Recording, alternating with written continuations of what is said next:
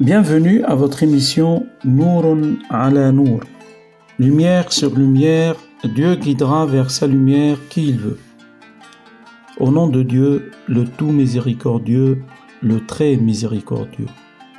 Louange à Dieu, le premier avant la création et la vivification, le dernier après la disparition de toutes choses, l'omniscient, qui n'oublie pas celui qui l'a évoqué, qui ne prive pas celui qui le remercie, qui ne déçoit pas celui qui le supplie, qui ne fait pas perdre espoir à celui qui espère en lui. Mon Dieu, je te prends à témoin, et tu suffis comme témoin, et je prends à témoin l'ensemble de tes anges, les habitants de tes cieux, les porteurs de ton trône, les prophètes et les messagers que tu as envoyés, ou les différentes sortes de tes créatures que tu as créées, que j'atteste que tu es Dieu, point de divinité autre que toi, uniquement toi, point d'associé à toi, ni d'égal, et que nul ne contredit, ni ne change ta parole. Et j'atteste que Mohamed, que Dieu prie sur lui et sur sa famille, est ton serviteur et ton messager, qu'il a accompli ce que tu as lavé, ce que tu as, l'avais chargé de faire vis-à-vis des serviteurs, qu'il a combattu en Dieu Tout-Puissant d'un combat à sa juste valeur, qu'il a annoncé la vérité en ce qui concerne la récompense et qu'il a mis en garde contre la réalité du châtiment. Mon Dieu, affermis-moi dans ta religion que tu me feras vivre et ne dévie pas mon cœur après m'avoir dirigé. Accorde-moi une miséricorde venant de toi, car tu es le continuel donateur. Prie sur Mohamed et sur la famille de Mohamed. Fais que je sois un de ses adeptes et de ses partisans. Rassemble-moi avec son groupe Fais-moi réussir l'accomplissement des obligations des vendredis et de ce pourquoi tu as exigé de moi l'obéissance et pour lequel tu accordes aux méritants une récompense le jour de la rétribution, car tu es le très puissant, le très sage. Le mois de Ramadan, bon Ramadan à tout le monde, à ceux qui jeûnent et ceux qui ne jeûnent pas. Le mois de Ramadan, c'est un mois sacré, c'est un mois important dans le calendrier de tous musulmans. Dans la vie d'un musulman, jeûner le mois de Ramadan est très important. Allah subhanahu wa ta'ala dit dans le Coran, à partir du verset 183 de la sourate Al-Baqarah,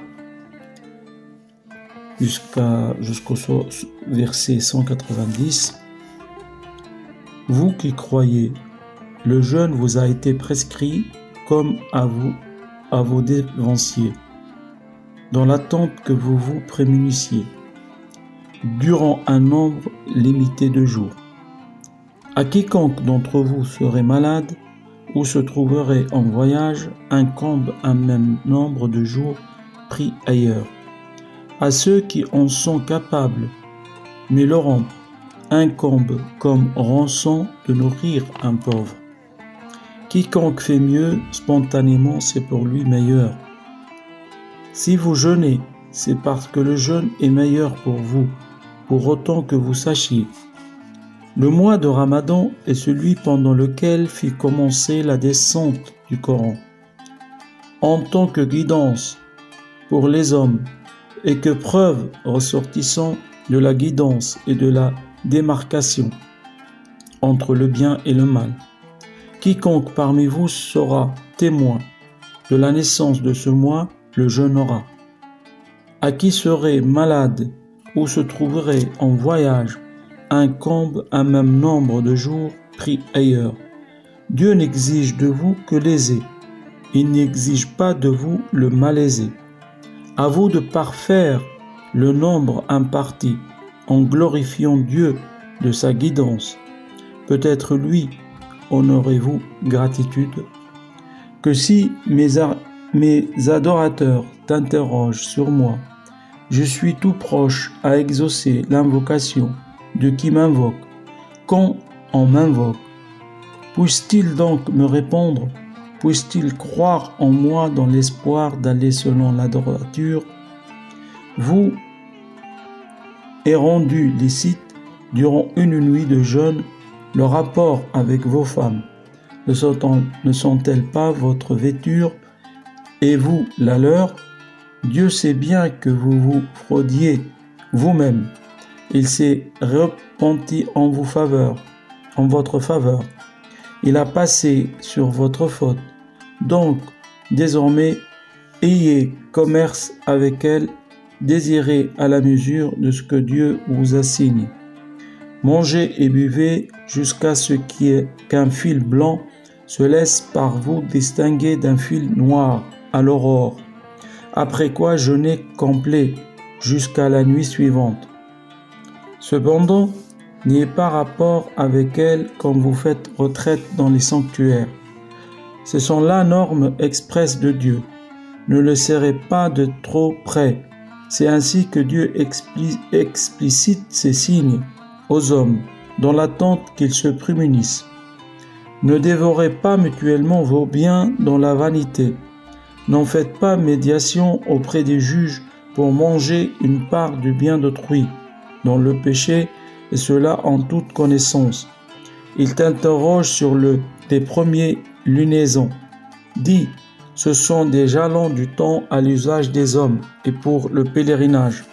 La piété ne consiste pas pour vous à entrer dans les maisons par l'arrière, mais à se prémunir. Entrez donc dans la maison par leur porte et prémunissez-vous envers Dieu dans l'espoir de triompher.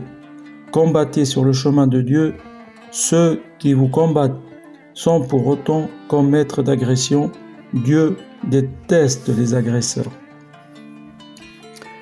Je viens de lire les verset où Allah subhanahu wa ta'ala demande aux musulmans d'observer le jeûne du mois de Ramadan. Et que ce, ce jeûne, il y en a d'autres croyants avant les musulmans, c'est-à-dire les chrétiens, les juifs, où aussi ils jeûnent. Maintenant, à notre époque moderne, peut-être, nos frères chrétiens et juifs n'observent pas comme nous un mois entier de jeûne. Mais jeûner, c'est un acte des tout croyants. Même aujourd'hui, la médecine moderne, la médecine euh, traditionnelle, la médecine naturelle, préconise le jeûne pour la guérison de certaines maladies. Et on observe dans l'Occident, en France et ailleurs, en Europe, aux États-Unis, que beaucoup de monde aujourd'hui font le jeûne pour le bien de leur corps, mais aussi le bien de leur esprit. Donc le mois de Ramadan, c'est un mois béni, vraiment. C'est un mois de guérison, c'est un mois euh, d'enlever les toutes formes de toxiques, toute l'énergie négative qui nous habite, qui nous empêche de bien vivre, d'avoir la joie. Donc, le Coran, Allah subhanahu wa ta'ala, nous invite à observer le jeûne, à s'abstenir de manger, de boire, de fumer, d'avoir des rapports sexuels pendant la journée, etc., etc. Et que le soir venu, après le coucher du soleil, on peut retrouver une vie normale, c'est-à-dire boire, manger, avoir des rapports, et surtout faire sa prière, lire le Coran. Parce que c'est un mois, comme je l'ai dit tout à l'heure, c'est un mois important pour le corps et pour l'esprit. C'est un mois d'apprentissage. C'est un mois où on va euh, chercher à entrer en contact avec la part humaine de nous-mêmes. Parce que malheureusement, on, a euh, oublié que nous sommes des humains on oublie. On oublie. C'est-à-dire que dans notre vie quotidienne, on est absorbé par toutes les tâches, par toutes les habitudes, par toutes les imprévus euh, de la vie courante, à tel point qu'on commet des erreurs, des atrocités parfois, les guerres, Hein, les, escroqueries, les mensonges, les conflits, euh, la violence conjugale, la violence contre les enfants, contre les femmes, etc., etc. Toute cette forme de violence vient de nous en fait. Pourquoi elle vient de nous? Parce que malheureusement, on, a perdu l'attachement à notre part humain en nous. Et donc le Coran incite l'homme, tout homme sur cette terre, à revenir vers Dieu. Mais avant de revenir vers Dieu, il faut revenir vers soi-même. Et pour pouvoir revenir vers soi-même, il faut euh, apprendre à commander ses désirs, ses passions, ses envies. Et donc, le ramadan, le mois de ramadan, c'est une école. C'est une école euh, qui fabrique des hommes sains d'esprit et sains de corps. Et donc, le corps euh, a besoin d'une visite c'est comme sa voiture, c'est-à-dire on, amène sa voiture tous les deux, ans, euh, on lui fait une visite pour voir est-ce que la voiture elle fonctionne, si elle fonctionne pas, c'est quelle pièce il faut changer, etc., etc. Et eh bien le mois de Ramadan c'est la même chose pour la voiture, le corps. Notre corps a besoin de repos. Notre machine, notre estomac a besoin d'un repos. Et on oublie souvent euh, le rôle de l'estomac, que notre estomac est aussi important que notre cerveau. Il y en a des, scientifiques qui, appellent euh, l'estomac le deuxième cerveau. Et peut-être c'est le premier cerveau. Le prophète, il dit L'estomac, c'est là où résident toutes les formes de maladies. Donc il faut faire attention à notre estomac, car elle a beaucoup d'influence sur nos humeurs, notre façon de vivre. Et on voit euh, la consommation atroce de, viande, par exemple. pourquoi les musulmans mangent plus au mois de Ramadan? C'est vraiment une question que je pose moi-même. On, remarque lorsqu'on va faire ses courses, on, trouve que les musulmans font énormément de courses au mois de, Ramadan, comme si euh, je sais pas, il y a la guerre parfois. Donc, le mois de Ramadan n'est pas fait pour manger beaucoup. C'est au contraire, il est fait pour manger moins. Mais prier plus, euh, invoquer Dieu plus, euh, faire de la charité plus, faire les bonnes œuvres plus, s'entraider avec les autres, être solidaire avec les pauvres. Tout à l'heure, en lisant le verset coranique, Dieu dit même celui qui ne veut pas faire le ramadan, pour X raison, eh ben, il doit donner euh, un peu d'argent, apporter à manger à ceux qui font Ramadan mais n'ont pas les moyens d'acheter à manger. Donc c'est un mois de solidarité, c'est un mois de fraternité, c'est un mois d'harmonie. On cherche l'harmonie avec soi-même, l'harmonie avec les autres et l'harmonie avec Dieu. Et ce qui est important dans le mois de Ramadan, c'est pas simplement euh, l'aspect social, l'aspect familial, l'aspect, euh, comment dirais-je, de la joie, parce qu'il y a une forme de joie, le, moment où on coupe le jeûne, on est ensemble, on est heureux de se retrouver, de manger ensemble, de prendre son petit café, de retrouver un petit peu ses habitudes et, en fait, comme j'ai dit tout à l'heure, Ramadan c'est une école. Le mois de Ramadan c'est une école. Il casse les habitudes. Euh, j'ai l'habitude, tous les matins je me réveille, je prends mon petit déj. Et eh ben en mois de Ramadan je prends pas mon petit déj. Je travaille le midi avec mes copains, mes collègues, peut-être ma famille, euh, je prends mon déjeuner. Et eh ben en mois de Ramadan je prends pas mon déjeuner. J'ai soif, je bois. Et eh ben en mois de Ramadan j'ai dit non, je, je bois pas. Et ça, c'est une, c'est un autocontrôle. C'est-à-dire, il n'y a personne, il n'y a pas un, policier ou un gendarme à côté de moi pour me donner des amendes. Je me gère tout seul. Et c'est un vrai apprentissage. Lorsqu'on était petit, nos, grands-mères, nos mamans nous apprennent à faire le jeûne. Parfois, on fait quelques heures le matin, quelques heures l'après-midi. Après, on va faire une matinée, le lendemain, on fait une après-midi, etc., etc., jusqu'à qu'on arrive à l'âge de 12, 13, 14 ans, et là on commence à le faire en entier. Donc c'est vraiment un apprentissage très intéressant et très intense.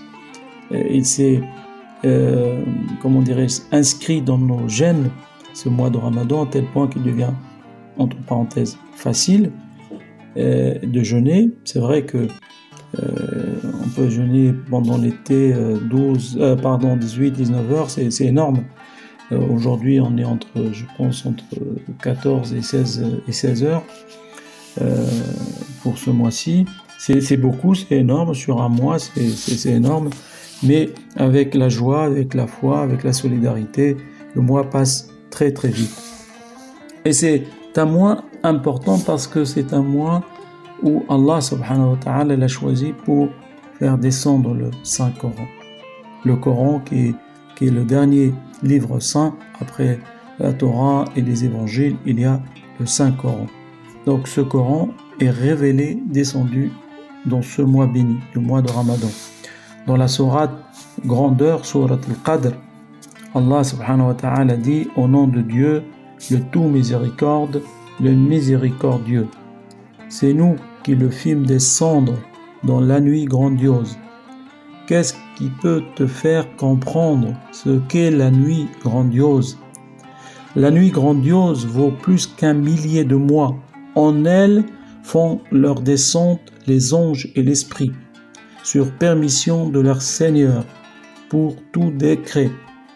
Salut soit-elle jusqu'au lever de l'aube. C'est une sourate mécoise, d'autres disent qu'elle est médinoise, y voyant référence à l'institution du jeûne annuel, la traduction traditionnelle de Qadr on, la traduit souvent par destin, par rapport à, nos destins de vie. Hein. Et euh, grandiose, le ici, c'est vraiment une, une, nuit très importante, trop importante. Et donc le fait de savoir que cette nuit-là vaut mille mois, mille mois, c'est à peu près une vie d'une personne, c'est à peu près 83 ans. Donc voyez-vous, c'est la nuit la plus importante dans l'année. Et cette nuit la plus importante dans l'année, il faut qu'on se prépare pour la vivre, pour la veiller. Donc Allah subhanahu wa ta'ala, il nous prépare pendant 21 jours pour aller vers les dix derniers jours du mois de Ramadan et toucher cette nuit grandiose. Et vous avez remarqué que Dieu dit dans cette sourate importante que dans cette nuit, Allah fait descendre tous les nuits de l'Qadr, toutes les nuits de destin, les anges avec l'esprit. C'est très important de le savoir. Donc, euh, ils descendent pourquoi? C'est quoi cette descente? C'est quoi la forme de la descente? Allah dit subhanahu wa ta'ala qu'il a fait descendre dans la nuit cette nuit grandiose, le Coran sur le prophète. Ça veut dire quoi descendre? C'est quoi ce, Coran? Parce qu'il faut savoir que la révélation, a duré 23 ans après. Donc il a, il a fait descendre en un seul euh, moment, c'est-à-dire dans cette nuit grandiose, et pendant 23 ans, le prophète l'a révélé verset par verset. Donc c'est, c'est vraiment euh, un secret ici qu'Allah nous, nous révèle. C'est un cadeau qu'il nous donne. Il nous donne une nuit grandiose qui a la valeur de mille ans, à mille mois, pardon. Mille mois, c'est-à-dire 83 ans. Alors c'est quoi cette nuit? Qu'est-ce qu'il y a dans cette nuit? Qu'est-ce qu'il faut faire dans cette nuit? Donc il y a d'abord une préparation psychique, psychologique, biologique. On prépare le corps, on prépare l'esprit et on rentre dans ces derniers dix jours. Et dans ces derniers dix jours, il y a la nuit sacrée. Cette nuit sacrée, la nuit des destins, la nuit grandiose, il y a une forme d'énergie cosmique, réelle, existante. Donc c'est fortement important d'arriver à cette nuit. Donc le mois de Ramadan, c'est pas simplement ne pas manger, ne pas boire, et voilà, c'est tout. euh, le mois de Ramadan, c'est pas simplement la nuit, je lis le Coran, je fais la prière, c'est très bien, c'est parfait. Par contre, ce qui est important de savoir pourquoi je fais tout ça? Allah subhanahu wa ta'ala n'a pas besoin de nos, nos, jeûnes, nos prières. C'est nous qui nous avons besoin. Mais besoin pourquoi Pour acquérir quelle forme d'énergie? Donc la nuit grandiose, le mois de Ramadan, c'est un mois de préparation pour retrouver la nuit de destin, Laylatul Qadr. Merci beaucoup. Je vous souhaite euh, un bon mois de Ramadan euh, sur Radio Aoulad. Euh, l'émission Nour sur Nour, vous pouvez la retrouver tous les jours euh, à 19h. Euh, donc si vous avez des questions, si vous avez des suggestions, merci d'écrire à Radio Aulad. Au revoir et merci.